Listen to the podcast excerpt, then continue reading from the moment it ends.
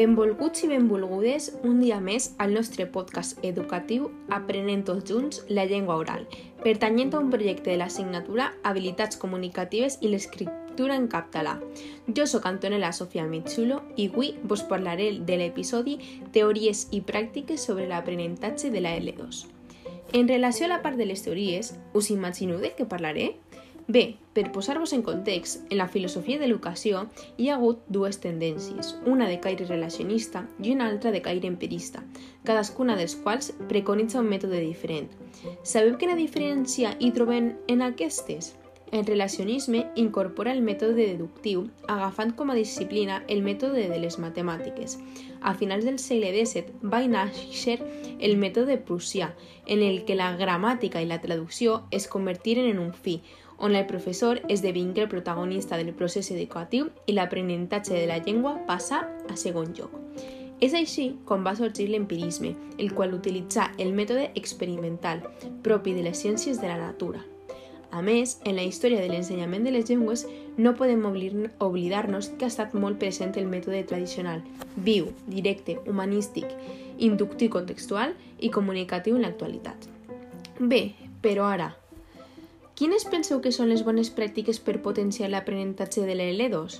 Sabeu que els objectius de l'escola estan relacionats amb les habilitats lingüístiques i cognitives i que requereixen descontextualització i abstracció progressiva?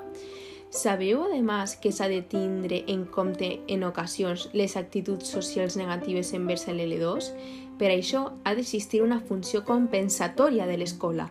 Algunes d'aquestes recomanacions per poder evitar-lo poden ser, per exemple, crear un ambient de confiança que afavorisca la comunicació, respectar el ritme d'aprenentatge de cada xiquet, fer servir, servir suports visuals i gestuals, introduir petites reflexions metalingüístiques de la L2 per despertar la consciència de l'aprenent, entre molts altres.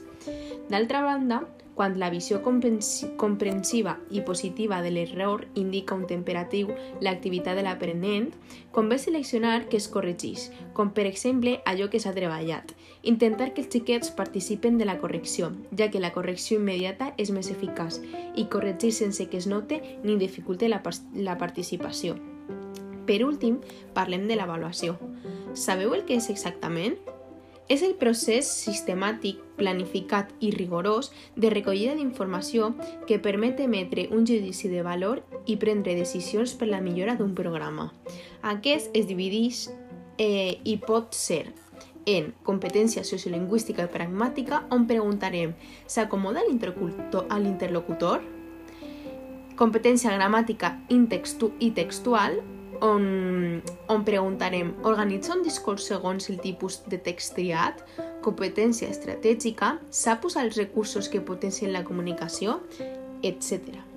L'avaluació ha de ser un procés per a la reflexió i per a compartir amb mestres i família.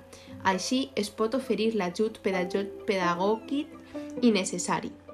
Del llenguatge oral avaluarem les capacitats o les competències de l'alumne, la programació, les activitats, els recursos i els indicadors assolits. Caldrà definir, a més, el, el què, el com i quan avaluarem. És imprescindible. A partir de l'informe de l'avaluació, s'han formulat les noves tendències del llenguatge oral, que són 3. La primera, adaptar l'avaluació de les habilitats lingüístiques orals al marc europeu comú de referència de les llengües del Consell d'Europa. El segon, implantar una cultura de l'avaluació en un sistema educatiu mitjançant protocols que garanteixen que els resultats corresponen a l'objectiu fixat. I tercer, innovar pedagògicament en l'avaluació per adequar-se als canvis socioeducatius i tecnològics actuals. Bé, fins així la nostra temporada de Aprenent tots junts amb la llengua oral. Esperem que vos hagi resultat interessant i que hàgiu pogut ampliar els vostres coneixements. Gràcies per compartir amb nosaltres aquest espai. I recordeu, no amagueu la llengua, useu-la.